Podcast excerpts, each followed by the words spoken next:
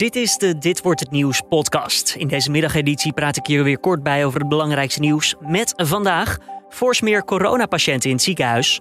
Hoekstra wil niet meteen al met VVD en D66 om de tafel. En Mercedes volgens Max Verstappen nog altijd favoriet in de Formule 1.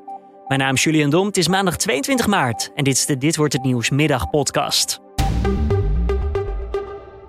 Fors meer coronapatiënten in het ziekenhuis. In de afgelopen 24 uur kwamen er 120 ziekenhuisopnames bij. Er liggen nu 2193 coronapatiënten in het ziekenhuis. Het gaat om de grootste toename in een dag tijd sinds 4 januari. Het RIVM meldt verder 6.340 nieuwe positieve coronatesten. En dat zijn er weer iets minder dan het gemiddelde van de afgelopen zeven dagen. Morgenavond is er weer een persconferentie en volgens ingewijden worden er geen versoepelingen bekendgemaakt. Ook wordt het negatieve reisadvies mogelijk verder verlengd en daardoor zou een vakantie in het buitenland tijdens de meivakantie wel eens onmogelijk kunnen worden. Wopke Hoekstra van het CDA voelt er weinig voor om samen met de VVD en D66 nu al verder te kijken om samen te regeren. Ik ben niet aan zet. Ik vind dat de liberale partijen die glansrijk die verkiezingen hebben gewonnen, eh, dat die met elkaar een, een, een plan moeten maken. En het ligt niet voor de hand dat wij er dan bij aanschuiven. Volgens Hoekstra zijn de VVD en D66 het onderling ook niet met elkaar eens over een mogelijke samenwerking. Zo zouden zij vanochtend al totaal verschillende voorstellen hebben gedaan, al dus Hoekstra. Verraden ze mij, dan verraad ik hen. Dat zegt kroongetuige in het monsterproces Marengo, Nabil B. Hij besloot met de justitie te praten toen hij steeds meer geluiden hoorde dat Ridouan T. hem wilde vermoorden. De kroongetuige kwam als eerste aan het woord en zit afgeschermd in een speciale cabine. Enkel de rechters en de officieren van justitie kunnen hem zien. Nabil B. zou trouwens behoorlijk snel zijn verhaal hebben gedaan. De advocaat van T. vroeg zelfs nog eventjes of het allemaal wat langzamer kon, zodat ze kon meeschrijven. Nou, de kroongetuige reageerde daarop met niets minder dan: dan moet je gewoon eventjes sneller schrijven. Ondertussen heeft Ridouan T. net zo hard weer uitgehaald naar Nabil B. Hij noemde B. namelijk een pathologische leugenaar en een fantast. Ook vertelde T. dat er volgens hem in ieder geval geen sprake is van een criminele organisatie.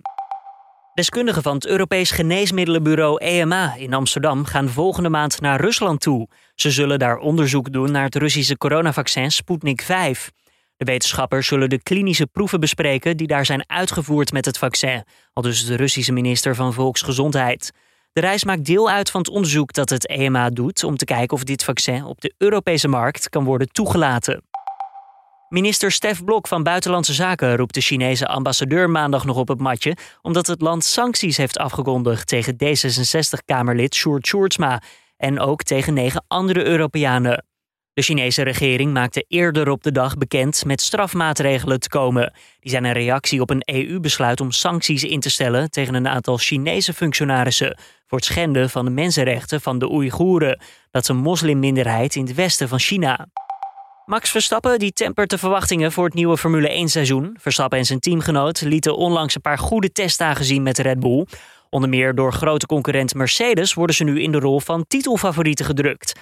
Maar Verstappen zelf zegt dat Mercedes nog altijd de favoriet is. Volgens de Nederlander zal de strijd niet gemakkelijk worden.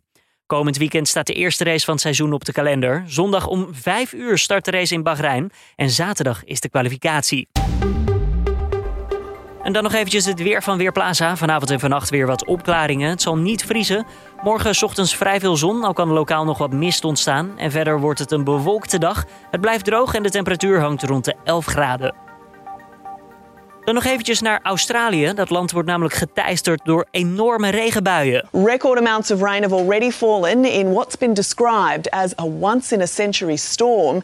And it isn't over yet. Duizenden inwoners zijn al geëvacueerd en ook insecten hebben er veel last van. Op sociale media gaan bijvoorbeeld beelden rond van spinnen die zichzelf proberen te redden. Ze zoeken massaal naar droge plekken en meer dan eens vinden ze die in en rondom woonhuizen. En ze komen dan met duizenden tegelijkertijd omhoog kruipen. Als je bang bent voor deze achtpotige beestjes, moet je vooral niet de zoekterm Australië spinnen intikken op Twitter. Echt, het is weer zinwekkend.